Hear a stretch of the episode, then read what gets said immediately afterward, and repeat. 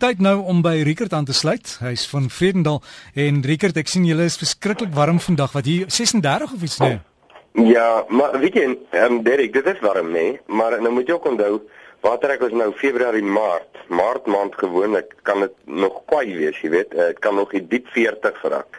So 36 is is warm, maar dis dan nou dis dan nog nie, jy weet, so laat 'n ou wil huis toe skryf daaroor nie. Ja, ek hoop net jy het ligreëling en 'n waaier en goed, Rickert. Ja. Rickert, vandag wil ek bietjie gesels oor ons het nou weer in die week 'n week gehad wat daar baie wreedheid was, geweld en en gewete het het mense gewete as iemand gesê met jou vra of mense met 'n gewete gebore word en of jy geweld ook of jy dit aanleer of is dit maar deel van jou van jou menswees van jou natuur? Mm. Okay, dit klink vir my na 'n moeilike ene.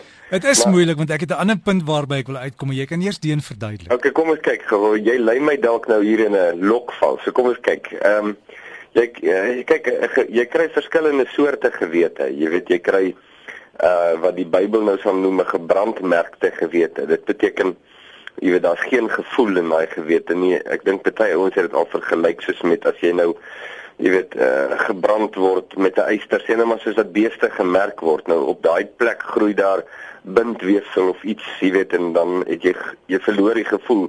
Die senuwees in daai area word nou dood. Die senuweepunte word doodgebrand. So jy doen goed en dit dit eh, pla jou nie eers nie. Jy weet dit is amper asof jy skaap chop eet en jou mond weer afvee na die tyd en jy gaan net aan. Ja, so dis 'n brand uh, gebrandmerkte gewete. Dit sien jy dit sien jy baie en as 'n manier hoe jy daar uitkom. Jy jy word nie met so een gebore nie, nê. Ja, en dan kry jy natuurlik nou 'n swak gewete en dit is nou een wat nie lekker kan onderskei tussen wat reg is, verkeerd is, wat reg en verkeerd is nie. En partykeer, jy weet, noem 'n ou verkeerd reg en reg verkeerd en jy jy sukkel tussen hierdie twee en jy voel skuldig oor goed wat wat nie verkeerd is nie en, en andersom. En dan kry jy natuurlik 'n sensitiewe gewete en dit is een wat jou vroegtydig en behoorlik kan waarsku om te sê moenie op hierdie pad gaan. Hierdie pad is die pad van die dood of is verkeerd.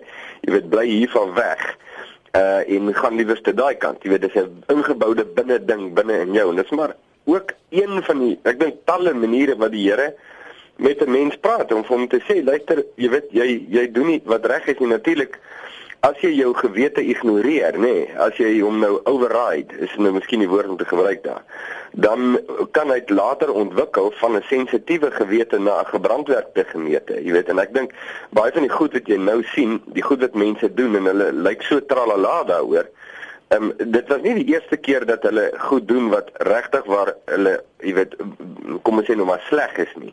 Hulle kom nou al 'n lang pad met goeders doen en dan dan ignoreer hulle hulle gewete en hulle kry een of ander manier om dit te rasionaliseer of so en later het hulle net nie meer ene nie. Goed, dis een verduideliking nê van hierdie gewete ding.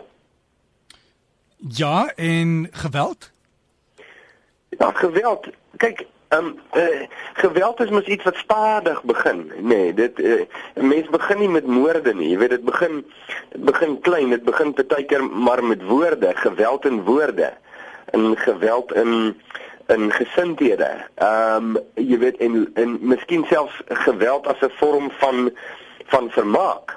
Jy weet jy kry verskeie forme van geweld nou deesdae wat aanvaarbare forme van vermaak is uh, jy kan nou sê dit alles saam speel seker 'n rol en daar's daar's daar's ander dinge wat ook gebeur. As onsteltenisse noem dit nou maar so wat in 'n mens se siel en in sy gees plaasvind wat hom later beweeg tot om niks te voel vir mense om hom nie. Jy weet een uh, jou gevoel vir jouself is dood jou gevoel vir mense is dood en en jy doen dinge wat ons sê ons sit in wreed is en uh, en dit dit pla jou nie eers nie. Weet jy voel net half Ehm um, ja maar hulle hulle verdien dit. Hy het gesoek dan. Hy het gevra daarvoor. Dit hoor jy baie.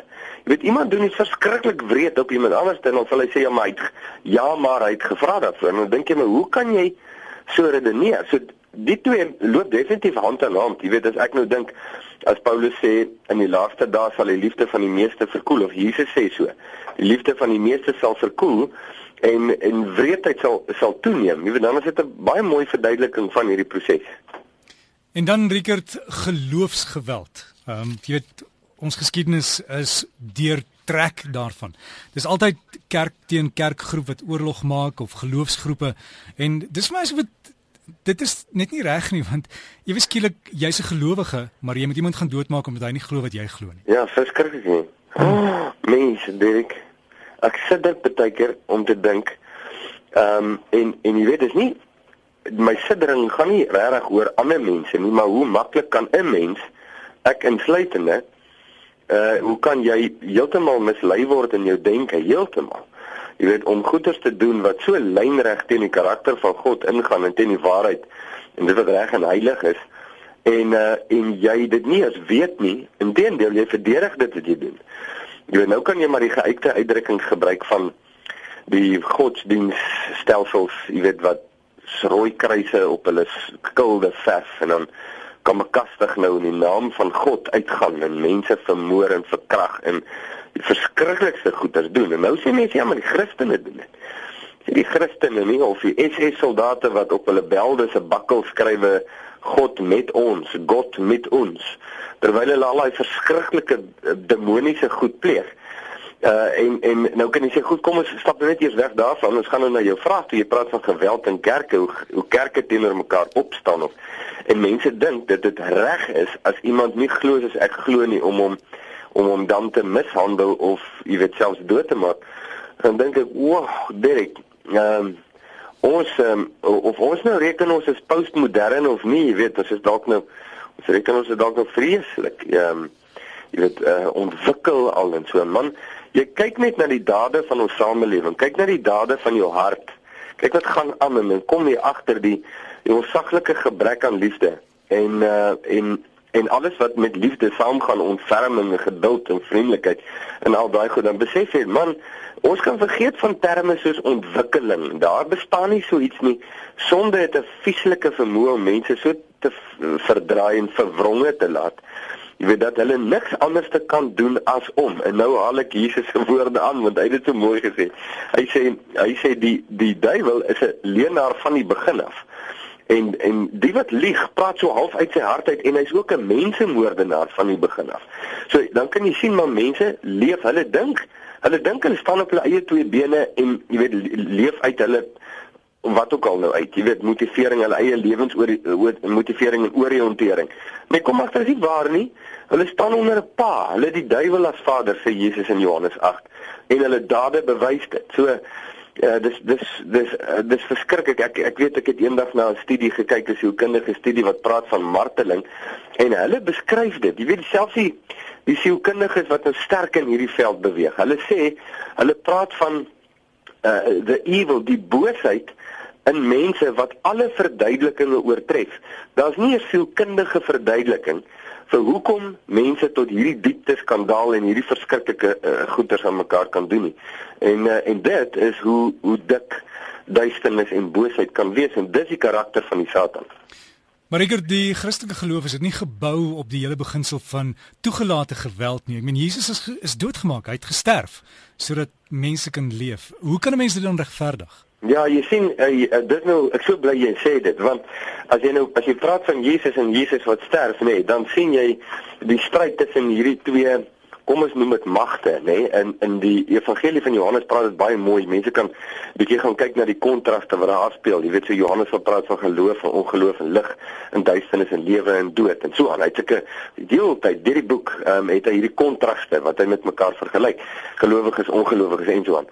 En die interessante ding van ongelowiges nê? Nee? mense wat hulle wat God weerstaan uh, wat nie onder sy gesag wil staan nie hulle pad wat hulle loop is altyd 'n pad van geweld. Hulle hulle ehm um, uh, ruim uit die weg met geweld dit wat nie aan hulle wil onderwerp nie.